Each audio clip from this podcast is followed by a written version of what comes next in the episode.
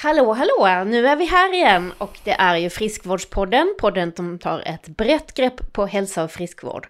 Och vi som pratar heter Kajsa Asp Jonsson, jag är dietist och journalist och med mig har jag som alltid mm, Anna Krantz och jag är en av grundarna till YouGo och vi jobbar med medarbetare och hållbara medarbetare är lönsamma företag.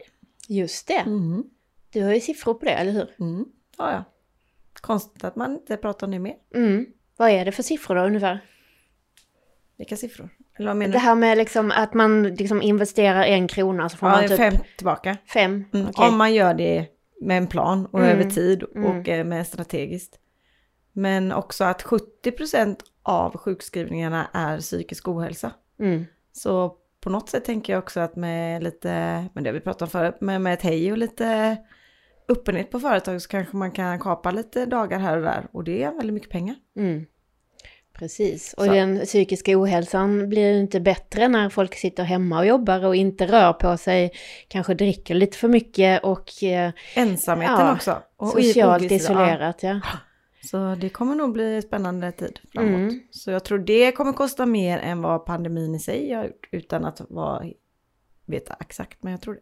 Precis.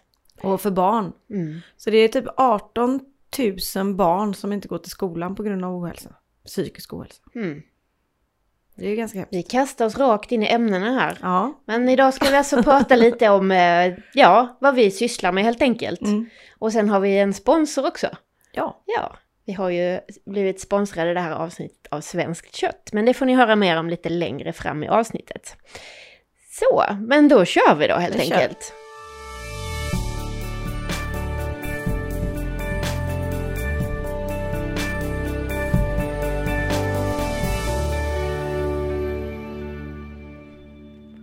Men du, hur eh, har ni liksom nya siffror på det här med vad ohälsan kostar? Eller detta är liksom innan pandemin? Mm. De här. Vi har inte fått några, vi och vi, eh, de har inte räknat ut det vad det kostade 19 än faktiskt. Nej, okej. Okay. Och det borde de ha gjort. Men jag har mm. letat faktiskt väldigt mycket för jag ska ju ha en föreläsning på torsdag. Just det. Om lönsam eh, friskvård på företag och då kommer jag faktiskt gå på 2018 för där finns det säkra siffror så inte jag blir beskylld för att ha fel. Ja, men jag tror inte de har eh, sänks och har de det så är det ju bara positivt. Mm. Men Nej, det kostar ju 81 miljarder sjuk, eh, sjukskrivning på kort tid. Mm. Går det att se den här föreläsningen i efterhand? För nu när, när du som lyssnar hör detta så har ju den här torsdagen redan varit. Ja. Så går det att titta på det sen efter? Nej, men det kanske det gör. Ja. Det ja. kanske blir fler tillfällen om och, inte annat. Ja, det kommer det. Absolut. Och kommer den finnas så finns den. Precis. Och annars skulle man ju kunna beställa en egen föreläsning om man hör det här och skulle vilja att Anna kommer och föreläser eller kör en digital föreläsning just på ditt företag.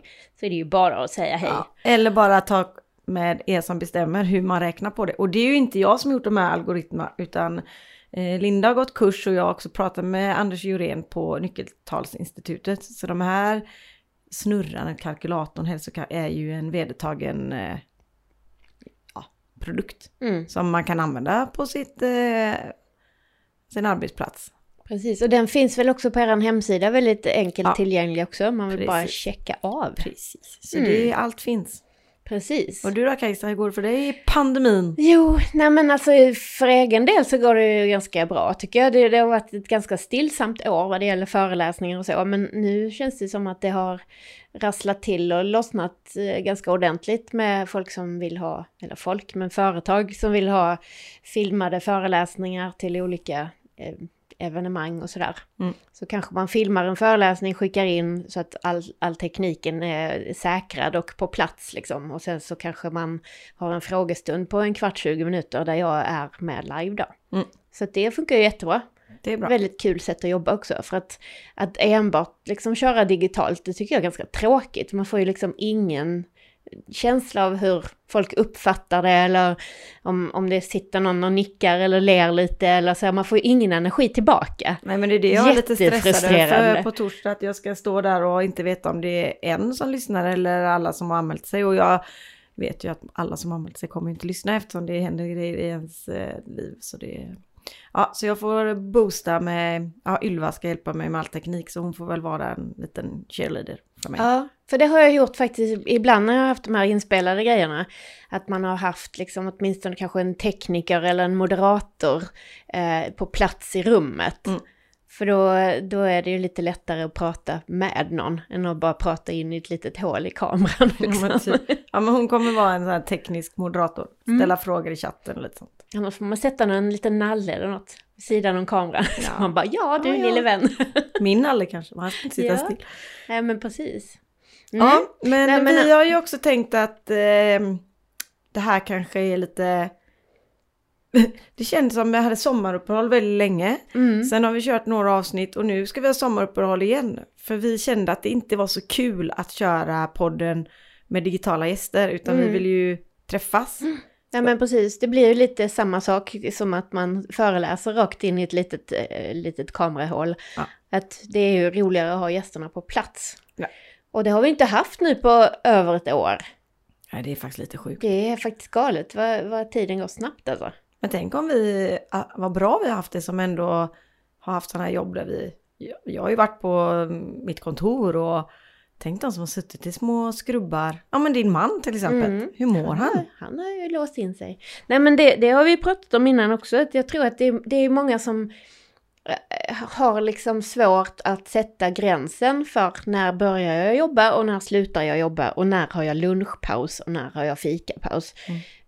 Alltså för allting flyter ihop liksom. Man Mm. sätter igång datorn när man stiger upp och sen så kanske den är igång i 12 timmar. Mm. Och, och det är liksom, man är där hela tiden och kollar mejlen och kollar, alltså, jag vet inte. Och framförallt så tror jag att eh, sådana som jobbar i, i, över olika tidszoner har Mm. haft det ännu värre, för då är det liksom ingen konstighet att man tar ett möte klockan 11-12 på kvällen heller, liksom, utan det är bara, så ska det bara vara liksom. Men sen tycker jag, jag tror att eh, det är eh, de som har- redan har haft liksom ganska sunda vanor sen innan. Att man tycker att man gillar att gå ut och gå på lunchen eller man liksom har passat på och gjort det förut. Då kanske man har blivit ännu duktigare på att röra sig i vardagen och liksom ta rörelsepauser och sådär. Men har man liksom inte haft varken rörelsevanor eller bra matvanor sen tidigare så är det nog svårt att, alltså, ja, alltså man har inte haft det här skyddsnätet och det här sociala som gör att, ja nu tar en kaffe ihop eller att man, det blir en automatiskt en, en paus när man möter någon i korridoren och sådär. Nu har man liksom aldrig någon paus utan det är liksom bara uh, på Men jag tänker också hela tiden. när man, eh, ja nu är ju min hjärna som min hjärna är, men jag behöver ju liksom, ibland kan jag komma på en idé bara att se någon passera. Mm. just det, det var hon sa ju det till mig igår och då ska jag ringa lalala. Mm. Men nu är det så här, för det blir ganska opersonligt när man är i digitala möten. Bara hej hej, ja funkar micken, hej hej, jag hör dig inte, sätt på mute eller ta bort. Mm. Och sen bara ja, eh, så går man rakt på sak och sen bara okej hej hej hej. Bara, men eh, det blir inget så här hej hur är det eller man kanske har någon grej, vi stod här och pratade precis innan att vi är lite fed up på vissa saker. Mm. Och Ja, så precis. bara man får snacka om det lite så, ja, de Mm. har, Nej men ja, det har du faktiskt väldigt rätt i tror jag. Att Det här äh, vanliga sociala chitchattet liksom, Mm. det försvinner. För man känner att man måste vara så himla effektiv Ja. när man har ett digitalt skicka en möte. agenda innan Ja, och så går man exakt. igenom den och så bara, ja nu bestämmer vi att vi ses, hörs igen, nej, nej, nej, eller så bestämmer vi att vi kör eller så. va- va. Mm. Men det blir inte det här, och jag tror att jag är bättre live. För jag kan nog få folk eh, garva lite och slappna av och då får man till ett bättre möte. Nu är det svårare. Mm. Ibland när man berättar om sin produkt och någon bara stirrar på en. Man ser inte om de tycker det är kul. Man, man ser inte om de tycker det är dåligt. Man bara Man ser... måste sitta och fundera, har bilden fryst nu? Eller? Ja, eller de bara sitter och stirrar eller, Eller helt plötsligt ser man att som- de tittar på telefonen. Man Mm. ser ju ändå sådana grejer. Så då blir man ju så här, men vad fasken lyssnar de? Eller gör de som mig, fejdar ut när någon Mm. pratar för länge? Mm. För det ser ju du när någon pratar länge, hur jag bara... Mm. ja, nej men sant. De här rörelsepauserna är ju inte så dumma alltså. Nej, det är ju så här. Forskningen säger, jag har ju Mm. blivit forsk... Nej men tre minuter tre gånger om dagen kan göra stor skillnad. Kanske inte för att du ska bli bort, bort din fetma på magen om du har det. Men för din hjärna Mm. Att den blir stimulerad och du blir mer kreativ. Och då, eh, då jobbar vi med ett företag i Finland som heter Smart Break. Eh, Så då är det de som har forskat på det. Och då är det ju ändå konstigt att eh, jag har ju frågat flera stycken, vill ni köra det här? Ah, nej, vi hinner inte. Och så här, nio minuter. Mm. Så på en vanlig arbetsdag när vi inte har pandemi så står man ju gärna och pratar och dricker kaffe i mer än nio minuter på en dag. Mhm. Det är ju väldigt få som bara sitter och vediga sig som Linda säger. Nej men liksom håller på. Mm. Så att det finns tid. Jo men absolut, jag menar de här nio minuterna är extremt välinvesterade då. Du kanske Ja. får ut tre timmar mer av den dagen då Nej men istället. det var ju någon så här eh, en kvart om dagen. Om du promenerar en kvart om dagen så ökar du på grund av produ- produktivitet din lönsamhet på bolaget med någon viss eh, antal. Ja, jag la faktiskt ut det på min LinkedIn. Ni kan Mhm. gå in där och läsa om det. Mm. Eh, Så att det, det är konstigt det här. Jag stänger in mig i ett rum Mm. och sitter där och kollar i en dator. Jaha, modernt. Mm. Ja men faktiskt. Ja. Eh, Jag är trött på den här pandemin. Ja, den känns ju, känns ju som att man har gått liksom några varv i att liksom bara, nej nu orkar jag inte mer, nu skiter jag i det här, nu går jag ut på stan. Men jag är ju ändå gammal kärring. Så det är inte så lång tid kvar till jag får en spruta tror jag. Jag kommer få Nej. den före dig. Mm. Jag, jag- De är nere på 66 nu. Född 66. ja. Det är bara fyra år. Några år kvar. Men ja, jag känner ju inte att jag behöver stå först i kön heller. För de Nej. säger ju att har man haft det så är det som att man har, då, då ger det ett bättre skydd än att få sprutan. Men jag vet inte om jag har haft det. Nej, men jag har ju. Mm. Jag vet. Mm, precis. Så jag behöver inte stå i någon kö i alla fall. Nej. Mm. Nej. Nej, jag tänker att det finns många andra som har större Ja. behov av den sprutan än jag. Ja, ja, ja. Men ändå. Mm. Men Mm. det blir skönt när man kan liksom eh, vara lite fri igen. Mm. Undrar vad vi kommer kramas mer. Jag vet inte. Nej, För jag tror inte det kommer gå tillbaka hela vägen till där vi var. Nej det tror inte. Samtidigt så säger de ju det att liksom efter varje sån här stor pandemi så har det ju liksom blivit en slags, eh, något år eller så med extremt mycket festande och eh, liksom, ja, ett partyliv och eh, ganska gränslöst liksom. Så vi Det får väl låter ju se. underbart. Gränslöst är ändå bra. Ja men precis. Ja, nej men ni är ju igång med, med att eh, ni har ju kommit några kliv till i eran Mm. eh, produktutveckling får man kalla det Ja. också. Nu håller vi på att utveckla en e-learning-plattform. Eller Daniel håller på och bygger den. Så vi också ska utbilda människor på arbetsplatser i hälsa. Så man får som ett hälsokörkort eller en certifiering. Mm. För jag tror att, eh, eller jag vet, att man vet för lite om eh, fördelarna med att vara lite mer hälsosam Mm. än vad många är. Så Ja, vi snackar precis. ju inte Göteborgsvarvet nu heller. Nej, nej men verkligen. Lite mer rörelse, lite mer lägga till bra grejer i matvanorna. När kom det? Ja, exakt. Nej men alltså det är väl det också att många tror ju att Eh, när jag ska göra något hälsosamt vad det gäller matvanorna, då måste jag gå på diet eller så måste jag liksom leva på extremt lite kalorier eller så. Och då kan man väl säga att ö, nackdelarna med det överväger så att du känner dig kanske mer trött och att du känner dig seg i huvudet och du inte riktigt orkar springa den här uppförsbacken eller orkar de där intervallerna. Så att man får liksom aldrig, alltså om man gör som jag tycker att man ska göra då istället, äta lite lagom av allting. Mm. Och liksom hellre äta bra mat så du får i dig näring och bra energi. Och kanske hellre ta bort läsken och kexchokladen då. Mm. Och de där chokladbollarna som man slänger i sig för att man är så himla himla utsvulten. Mm.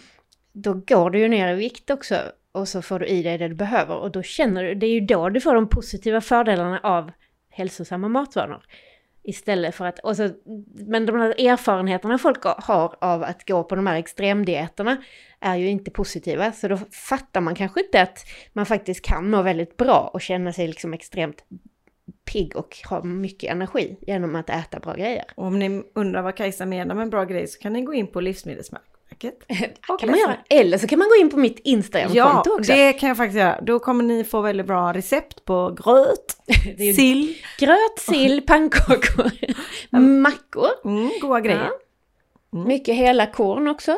I olika goda sallader och Jag satt här och bara tänkte så här, idag kommer Kajsa, då kommer jag få en god lunch. Men no, Nej, hon kom med sin lilla burk. Det var en liten burk. Det var en burk med mat. Men jag hade också gjort bra mat, om du såg Mm. det. Du, jag hann ju inte se det för du hade ju redan eh, typ Aha. nästan ätit färdigt när jag kom. Okej. Vad var det då? Nej men det var råris med ärtor. Eh, kallrökt lax. Och min nya favorit, en tomatsalsa Mm. från Santa Maria. En Mhm. grön tomatsalsa. Okej. Som man bara lägger på och lite citron, Mm. salt, peppar. Det lät gott. Den är svingod. Mm. Jag fick en, ny eh, bekantskap häromveckan. Det var ramslökspesto. Jag var ju nere i Lund en liten sväng och eh, där hittade jag ramslökspesto i en liten sån Mhm. delikatessbutik. Det var gott. Det var gott. Väldigt fräscht. Ni ser ju vad goda grejer vi har. Ja, Så det är ju inte det att eh, det är svårt. Fast, ja men grönsaker är ju väldigt gott. Precis. Alltså jag tycker om, om du tar liksom, tar du bort grönsakerna så tar du bort all färg. Du tar bort all liksom konsistensgrejer eh, med både crunchet och krispigheten och liksom, ja, alla olika varianter på det. Och du tar bort smakerna. Mm. Så livet blir ju urtrist utan grönsaker. Ja, så är det. Ja. Mer grönt. Mer grönt till folket. Precis. Men det... Ja. Mm. Så att lägg Nej. till bra grejer. Lägg till bra grejer. Mm. Absolut. Det är inte så. Men nu eh, hamnar vi där igen i maten. Ja. Och det är ju bra. Men ehm, Jag bara står med ett stort leende och bara ja. ja. ja. Nej men du, hur går det för dig då med din löpning och så då? Nej men det går faktiskt bra. Så här mycket har jag nog aldrig löpt. Men det är så spännande för att i början när vi poddade så hade du ju något lopp varenda vecka kändes det som. Ja. Och det var ju så här extrema grejer. Du skulle springa maraton på is och du skulle liksom... Det Ja, var högt och lågt och, och fjällmara och ja det var ju alla länge konstiga grejer. Och vad hette det? Eh, vad hette det? Swimrun och Swimrun alla möjliga grejer. Så, och så säger du att du springer mer nu. Ja, det gör jag. Det är ju lite intressant. Mm. Jag tränar mer nu än när jag hade lopp. Mm. För nu gör jag det för det är kul. Mm. Inte för att det är... Jag vet inte. Men sen är det faktiskt så här. Nej men egentligen är det så här. Att jag har ju fått en ny kompis. Och den kompisen och en kompis och den kompisen och en kompis. Och vi har blivit ett så här gäng. Utan att det är liksom tråkigt. Mm. Och sen har jag faktiskt börjat springa lite mer asfalt och då blir det också mer lättillgängligt för jag har köpt Mm. nya skor. Mm, mm, mm. Mm. Och då blir det inte det här. Ja, först ska jag sätta mig i bilen och köra upp till skogen och sen ska jag... Och sen så vill jag inte springa själv i skogen för där finns det mördare. typ. Eh, och nu kan jag bara ta på mig utanför dörren och så springer man 7 kilometer och så är man klappad och klar. Mm. Det går väldigt fort. Mm. 40 minuter senare så är man liksom duschad och färdig nästan om man inte lägger till lite styrka på altanen som jag gör ibland. Mm. Och så är det bara, och jag har ju rätt mycket fritid nu som vi pratade om förut eftersom Nalle cyklar till alla träningar. Olle är nästan aldrig hemma och Viktor vet vi inte heller riktigt var han tog vägen för han jobbar jämt. Mm. Så jag har bara mig själv. Men det är ju viktigt då med maten bara för att, inte för att jag är så resultatfixerad vid minuterna men man vill ju ändå, ju bättre man äter ju, ja, det är ju bra för kroppen. Absolut, Så och du därför- känner ju dig piggare också. Ja, så därför har man väl ändrat lite på det och då är ju liksom min... Eh, ja men eh, det är så kul att göra nya grönsaksrätter. Mm. Så då fick jag en bok Mm. som är av Paul Svensson. Mm. Han jobbar ju bara med grönt. Mm. Och då hittar man så jäkla mycket goda grejer. Och då har jag liksom eh, fått med det här till familjen så de har ju också blivit mer eh, grönsaksätare. Vad bra. På ett bra sätt. Mm. För du får ju inte glömma kolhydraterna heller. Nej men jag har inte tagit bort köttet men jag Nej. menar det är bra att lägga till så här eh, blomkålsris med massa nötter och val, liksom grejer. Att det blir gott, inte bara en isbergssallad med en trött gurka i. Nej, nej. Utan lite Mm. gött. Mycket smak helt enkelt. Japp. Mm. Så det är kul.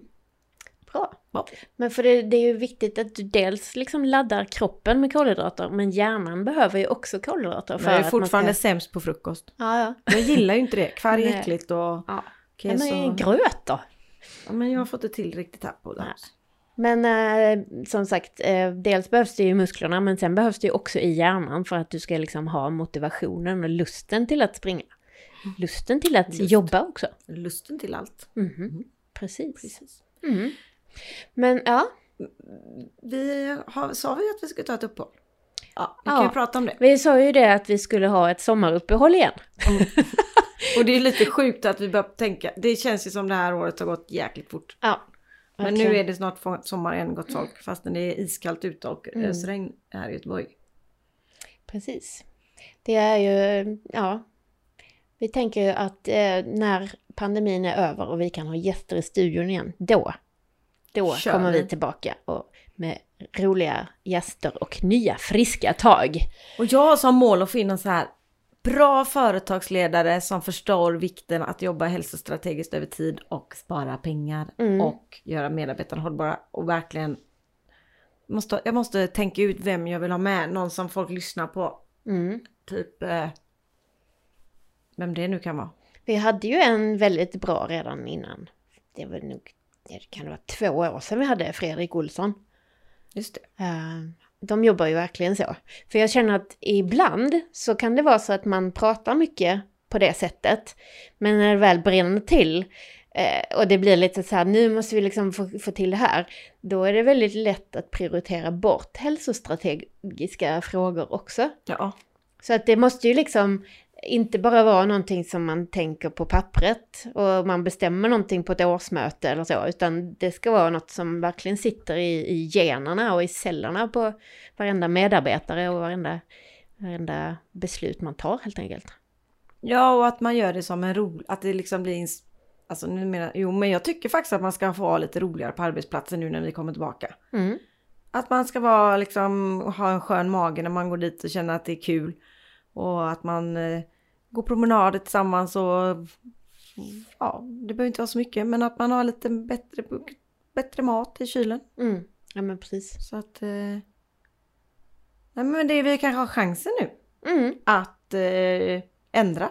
Ja men precis, det är man får göra en omstart och Mm. kanske också har fått upp ögonen för vad det faktiskt betyder på ett annat sätt också. Mm. Men du, ska vi släppa in veckans sponsor då innan vi säger tack och hej för nu och ha en skön sommar? Ja, det känns så, så där. Men det tycker jag. Ja, men gött, vi ses då. Vi ses då. Vi hörs. Vi hörs. Ha det gött! Hej då!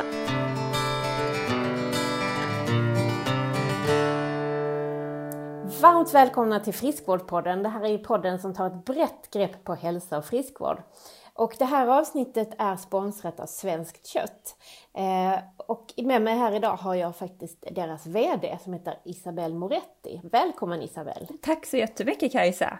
Vad trevligt att få vara med. Ja, jättekul att ha dig här. Eller du är egentligen inte här, men det har vi ju vant oss vid så här eh, efter ett år med pandemi, att vi kan faktiskt göra det mesta på distans. Så du är på länk från utanför Stockholm, eller hur? Ja, det stämmer. Ja. Mm. Bra. Men kan du berätta lite om Svenskt Kött? Vad gör ni egentligen väldigt kort? För att vi har ju haft Karin Am- Amadé här förut, så att vi vet ju redan lite grann. Men vad är din roll?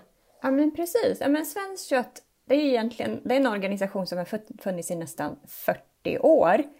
Eh, och ifrån början så handlar det väldigt mycket om konsumentinformation eh, kring kött, kring eh, näringsinnehåll och, mycket husmorstips hur man, hur man skulle tillaga kött och, och, och särskilt liksom i storhushåll.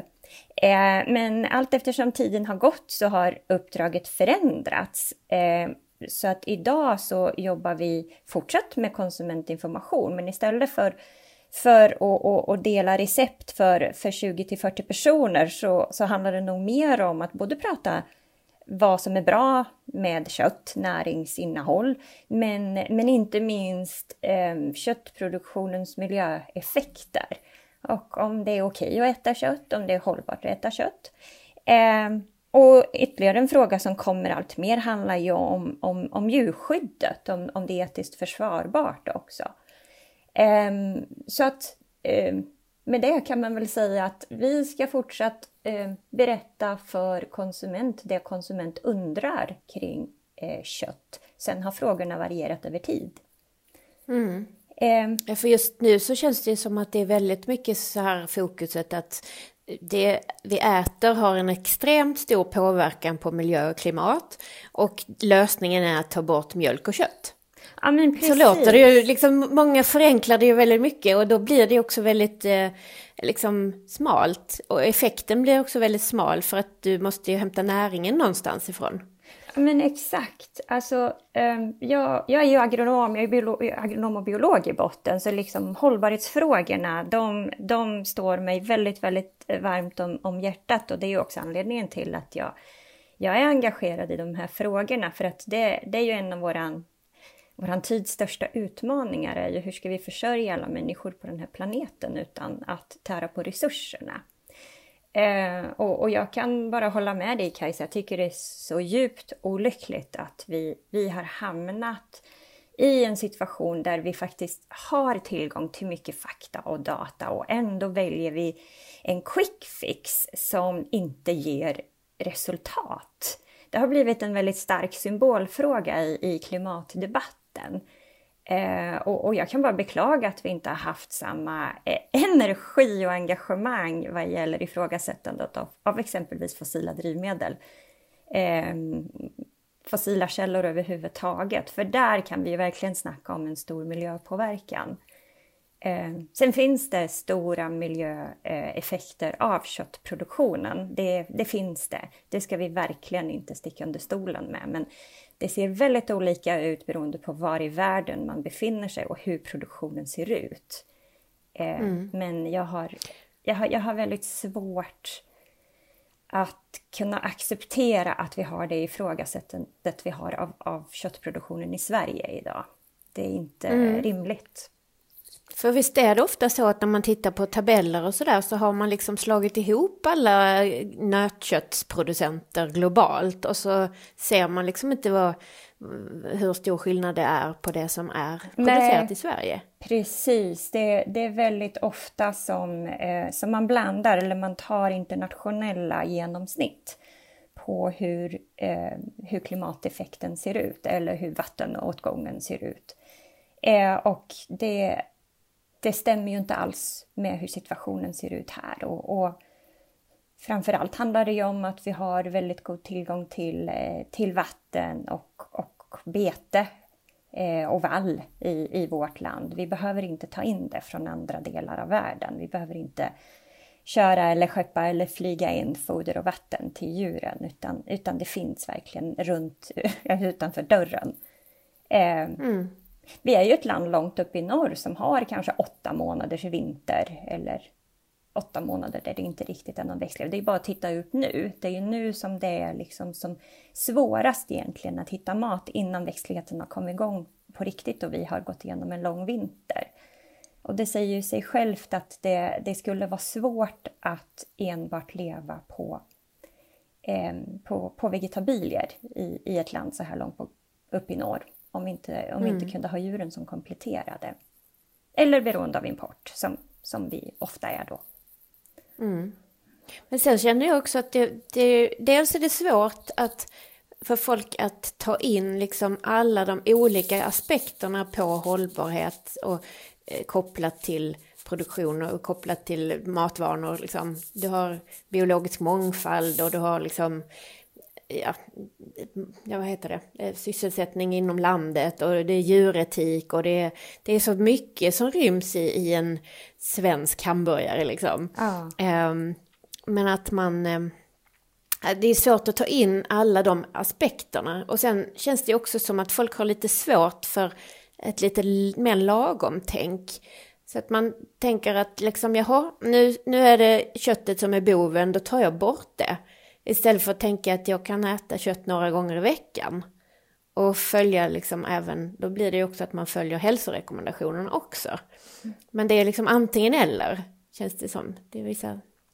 Ja, det är svårt att vara lagom helt enkelt. Ja, det är svårt att vara lagom och det har ju blivit liksom en, en det är ju en väldigt stark symbolfråga. Det, det är ju det har ju blivit liksom en identitetsfråga också. Att det är väldigt enkelt att plocka goodwillpoäng och hållbarhetspoäng om man säger att man väljer bort köttet. För köttet är ju... Eh, då, då är man snäll både mot djuren och miljön. Man har valt bort det. Men att man sedan liksom köper fem handväskor eller byter ut sitt kök eller reser till Thailand. Det, det ifrågasätts inte. Vi har ingen, ingen shaming kring konsumtionen, men vi har det kring eh, konsumtion av ett livsmedel som är extremt näringstätt och eh, hållbart och till och med nödvändigt för att vi ska kunna ha ett matsystem överhuvudtaget på de här breddgraderna. Eh, mm. Så, att, så att liksom, vi kastar verkligen ut barnet med badvattnet här eh, och, och gör oss en stor otjänst eh, om, om vi säger nej till att ha kött och mjölk i, i vårt land. Mm. Och som sagt, som jag, jag sa förut, att liksom, jag brinner verkligen det hållbarhet, liksom ett håll, hållbart matsystem, en, en hållbar värld. Det, det är det som är det som jag vill, verka för.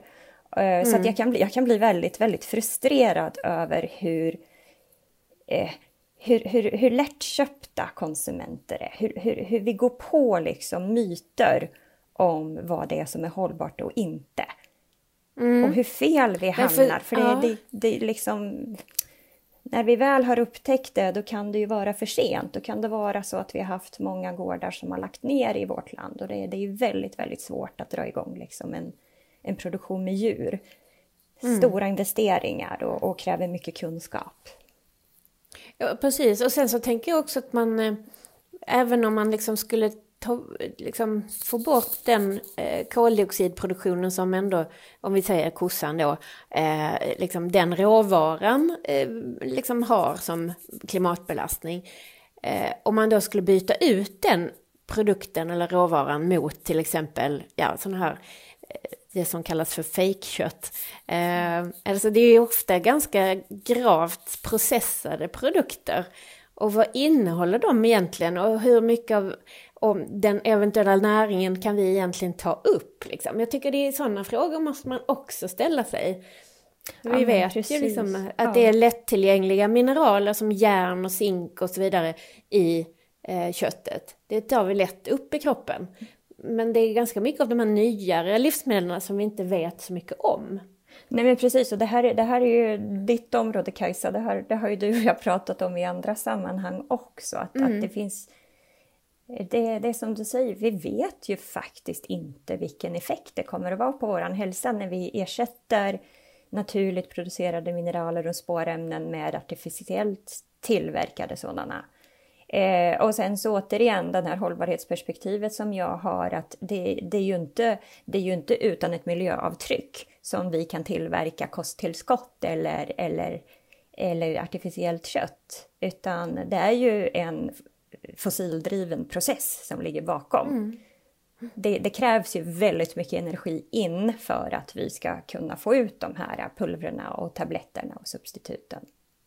Mm. Och varför ska man gå omvägen liksom, tänker jag? Varför kan man inte ha sin mjölk i sitt glas istället ja. för att man ska ha det i en shaker på gymmet? Ja. Och då har det dessutom eh, gått igenom en massa processer för att först bli mjölkpulver och sen blandas ut med en massa smakämnen och grejer. Och sen ska det liksom i ett annat sammanhang då blir det plötsligt okej. Okay. Alltså det är så konstigt. Ja, det... Jag tycker det är jätteintressant. Och det är liksom det här hur olika, hur våra beteenden är helt eh, ologiska. Ja men verkligen. Och också en, en, en sån här fråga som är väldigt central om man, om man vill nå hållbara system är ju att, att att sluta så att man får cirkulära system. Att allting går runt, runt. Och, och när det gäller djurens eh, växelsamverkan med, med växtodlingen, och det gäller såväl gris, eh, nöt, lamm eh, och, och, även kyckling, så, så kan man ju få den här växelvisa samverkan när djurens gödsel ger näring till jorden och djuren äter det som växer på marken och, och så vidare. Samtidigt som vi som människor får del av både det som marken ger och det som djuren ger. Eh, snarare än att man tänker linjära samband, linjära system där vi ska från någon annanstans, of, ofta liksom, det är ofta Asien eller Kina som är starka vad gäller kostpreparat och, och proteinpulver. Som du säger, att vi skickar mjölkpulver till andra sidan världen för att man där ska tillverka proteinshakes eh, med fossil energi, med utsläpp på den platsen på världen och så ska det skickas tillbaka hit. Och så kallar mm. vi oss hållbara. Eh, så det, det, det, vi är så fel ute. Men, men det är ju mm. det här som är våran, vårat stora uppdrag på, på Svenskt Kött bland annat. Att, att fortsatt liksom finnas för konsument, att, att ge information, fakta, diskutera, debattera. För det finns ju jättestarka åsikter såklart. Jätte, jättestarka mm. åsikter om, om vad som är rätt eller fel. Vi har faktiskt också märkt det i lite små kommentarer när vi liksom har, när det har, ja, vi har ju haft ett avsnitt tidigare som har varit sponsrat av Svenskt Kött. Och eh, lite sådär reaktioner som var va? Nej men kött ska man väl inte äta? Det var ju lite liksom sunkigt att ta in dem som sponsorer. Men alltså, det är så märkligt. Jag tycker precis tvärtom. Liksom. Det är ju mm. helt vanlig mat och vi måste ju få tillbaka förtroendet för den helt vanliga maten. Ja. Att det är där vi ska hämta vår näring. Ja. Men är, märker ni av det liksom att det, folk tycker det, du pratar om shaming på, mm. Eh, för mm. konsumtion. Att, ja. att, eh, jag känner ju i alla fall, det, det är ju bara i mitt flöde och i min lilla filterbubbla, men det är rätt sällan tjejer har bilder på att de äter kött. Mm. För några år sedan var det lite så här, nej men kolhydrater fick man inte visa mm. på bild. Liksom. Mm. mm. Men nu är det lite mer så här att, mm. Eh, nej jag vill visa att jag äter mina gröna blad och eh, mm. mina bönor och så. Men ja, kött det var lite så här, det är man rädd för. Ja, det är ett sånt där roligt fenomen som har kommit senaste åren att om man tänker så, när jag var yngre så var det ju ingen som ville äta bönor och linser för man menar att ja, men man får ont i magen och man blir dålig i magen och så. Nu är det tvärtom när vi frågar att varför väljer man att inte äta kött och man blir dålig i magen av det. Och det där mm. skulle jag, det skulle vara lite intressant att faktiskt bottna i. Att hur, hur sant är det? Är det så att vi har förändrat oss rent liksom fysiologiskt under de senaste åren? Eller, eller sitter det i huvudet? Det kanske mm. du vet? Ja, det är spännande faktiskt. Nej, men det, det, är ju lite så att vi styr ju alltså, eh, hur bakteriestammarna och mängden bakterier i tarmarna eh, ser ut. Det beror ju väldigt mycket på hur du äter. Så äter du liksom, om du går ganska hastigt från en typ av kost till en annan, säg att du äter bara bönor och grönsaker och sen plötsligt tar du bort bönorna och så äter du kött istället. Då kanske det tar några dagar innan dina tarmbakterier eh, har vant sig vid det nya. Så att det kanske blir lite bubbel eller så. Och liksom, både om du går från det ena till det andra eller från det andra till det första. Så att säga. Eh, men att, eh, så att det, delvis så är ju vår matsmältning beroende av vilka bakterier vi har i tarmen. Men jag menar, om man tänker stenålderskost, eh, många tror att det finns en slags definition på vad stenålderskost är, men det berodde ju helt på vad du hade tillgång till för tillfället och mm. var du bodde. Exakt. Stenåldersmänniskor som bodde nära ett vattendrag åt säkert ganska mycket fisk, medan eh, ja, stenåldersmänniskor som bodde i skogen åt väl bär och rötter. Liksom. Mm. Kanske de mm. åt något vilddjur när de hade lyckats jaga ikapp det. Liksom. Mm. mm. Men att man åt ju säkert, alltså man åt ju inte liksom, kött varje dag. Om det var så att man åt kött. Utan, det, alltså, när man fick det, var ju när man var, ja. ja. precis, och då fick man ju äta upp det medan det fanns där, för annars var det något rovdjur som tog det istället. Så att, mm. eh, jag tänker att eh, det var nog ganska eh, random, om man säger så. ja, men det kanske är tillbaka till det du sa tidigare, det här med, med att äta allsidigt. Mm. när, vi, när vi blir mållåsta och bara äter en typ av, av kost hela tiden som inte klarar skiften. När vi egentligen behöver mm. variationen. Vi, vi behöver ju liksom mm. Jo precis, ju mer, varier, ju mer varierat du äter, ju mer olika typer av fibrer, mm. desto mer olika typer av tarmbakterier kommer du att ha. Mm. Så att eh, mm. lever du på formfranska så blir det inte så mycket olika sorters Nej. bakterier. Det är, också, det är ju också ett av skälen till att vi ska äta mycket grönsaker och frukt. Mm. Så. Ja, nej men det är intressant det här med hur man liksom ja, kommunikationen kring mat tycker jag är så oerhört intressant och spännande. Ja, och sen det finns ju en del till också. Vi får ju inte glömma heller att det finns ju faktiskt ganska, ganska goda affärer i att få oss som konsument att, att, att hitta nya produktgrupper. Eh, det, det, är ju, eh, det är ju en guldgruva liksom att öppna mm. upp eh, kosttillskott och, och, och, proteinpreparat och köttsubstitut. Det är en, det är en fantastisk marknad som, som det finns ganska många som tjänar stora pengar på. Så det är klart att, att det, man får inte glömma bort det, att, att eh, vi kan tänka att det här är en en debatt som är driven av, av förändrade värderingar och, etiska diskussioner. Men det finns ju otroligt starka marknadskrafter i, i det här också. Mm. Eh, vi har ju varit i en situation där konsument har enormt högt förtroende för svenskt kött och, och det, är ju, det är ju ungefär 90 procent av köttet som köps i butik är, är ju svenskt för konsument vill inte ha någonting annat. Mm. Eh, så då, då är det ju klart att om, om någon kommer på, men vänta nu, tänk om vi kunde få dem att skifta över till, till köttsubstitut eller proteintillskott istället. Eh, då skulle vi kunna tjäna ännu mer pengar på dem istället för att mm. de är mållåsta på det svenska köttet.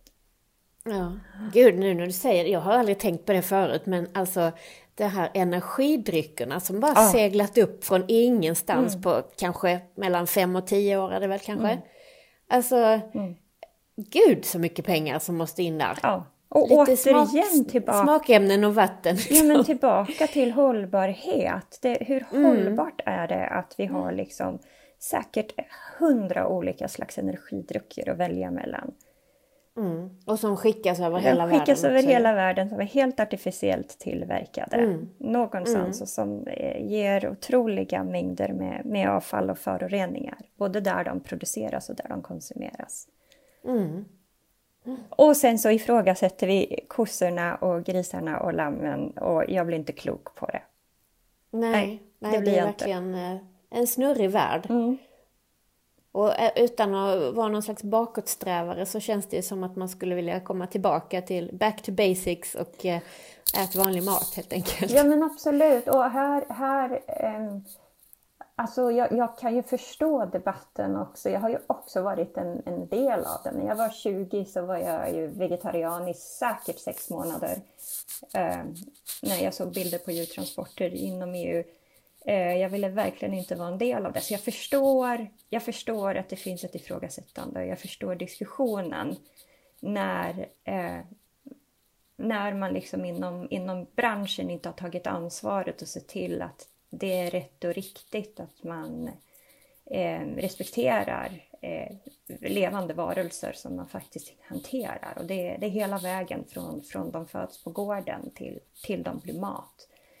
Mm. Eh, så, så att där, där behöver man ju ständigt göra ett jobb. Att, att fortsatt liksom eh, ge, ge konsumenten skäl att, att tro på, eh, på produktionen, att, att tro på bönderna, att tro på slakten också. Att det ska, att det ska vara ansvarsfullt och respektfullt.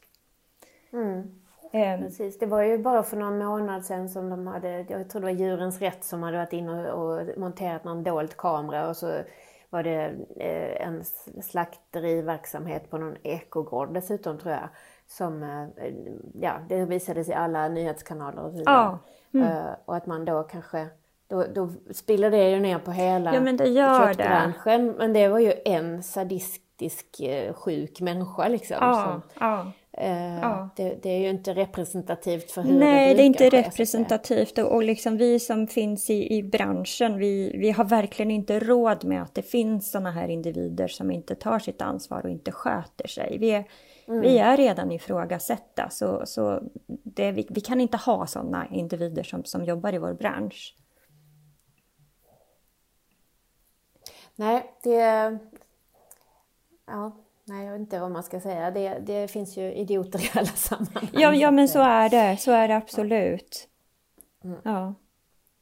Men du, nu ska vi faktiskt avsluta här och eh, jag skulle bara vilja be dig säga liksom, vad finns det för, eh, är det tre snabba eller fem snabba om varför vi ska välja svenskt kött? Eh, oj, oj, oj, vilken, vilken svår fråga. Eh, det... Fem snabba om varför vi ska välja svenskt kött. Ja. Eh, det, det, djuren behövs för en hållbar matproduktion. Så att liksom, vi, vi, vi klarar inte av att ha ett hållbart matsystem i landet Sverige med den, de långa vintrarna vi har om vi inte har djur. Så det är nummer ett. Så att liksom våga se att det är så eh, istället för att vi ska fortsatt tänka att men vadå, bara jag väljer i butik så, så kan jag göra rätt för världen. För ditt val handlar om att du tar resurser någon annanstans ifrån, någon annanstans i, i världen. Och det tycker jag inte är etiskt försvarbart om man ska vara hållbar på riktigt. Sen har vi liksom, vi har världens mest hållbara matproduktion generellt och det handlar både på vegetabiliesidan och, och på, på djursidan. Med, med, med de kontroller och, och, den ambition som man har haft både från politiken och från branschen så har vi i vårt land faktiskt världens mest hållbara matsystem, matproduktion. Och det ska vi vara superstolta över och det ska vi värna och vara riktigt rädda om som konsument. Vi har EUs lägsta användning av antibiotika exempelvis inom, eh, inom djurproduktionen. Eh, så att det, liksom, det är väl mina tre snabba. Mm. Sen, sen, kan jag ju lägga till att det liksom ifrågasätter inte ett, ett, ett livsmedel som är så näringstätt som köttet är. Det här, det här har jag ju lärt mig av dig Kajsa, men, men liksom välj istället bort eh, mat som inte ger dig någonting. För hur den är så har den maten behövt energi när den har producerats. Och om, om det bara ger dig liksom bukfylla eller lite extra socker och energi, det, nej, det är ju inte värt det. Ät riktig mat. Mm. Jag vet inte hur många jag är uppe i, men det är de som jag kom på nej, så här. Det var, ja, det var nog fem. Fyra eller fem. Men jag är jättetacksam för att du har varit med här i alla fall. Ja. Och jag tycker det var ett väldigt intressant samtal. Och eh, ja, medvetna val är väl eh, liksom, kan vi ha som rubrik över detta, tänker jag. Både vad det gäller hälsa, miljö och hållbarhet och eh, näringsinnehåll och etik och alltihopa. Ja men eller hur. Ja. Och det var mm. jättetrevligt att få komma hit Kajsa, så tack så mycket. Ja. Tack så mycket och tack igen Svenskt Kött som har sponsrat det här avsnittet. Ja.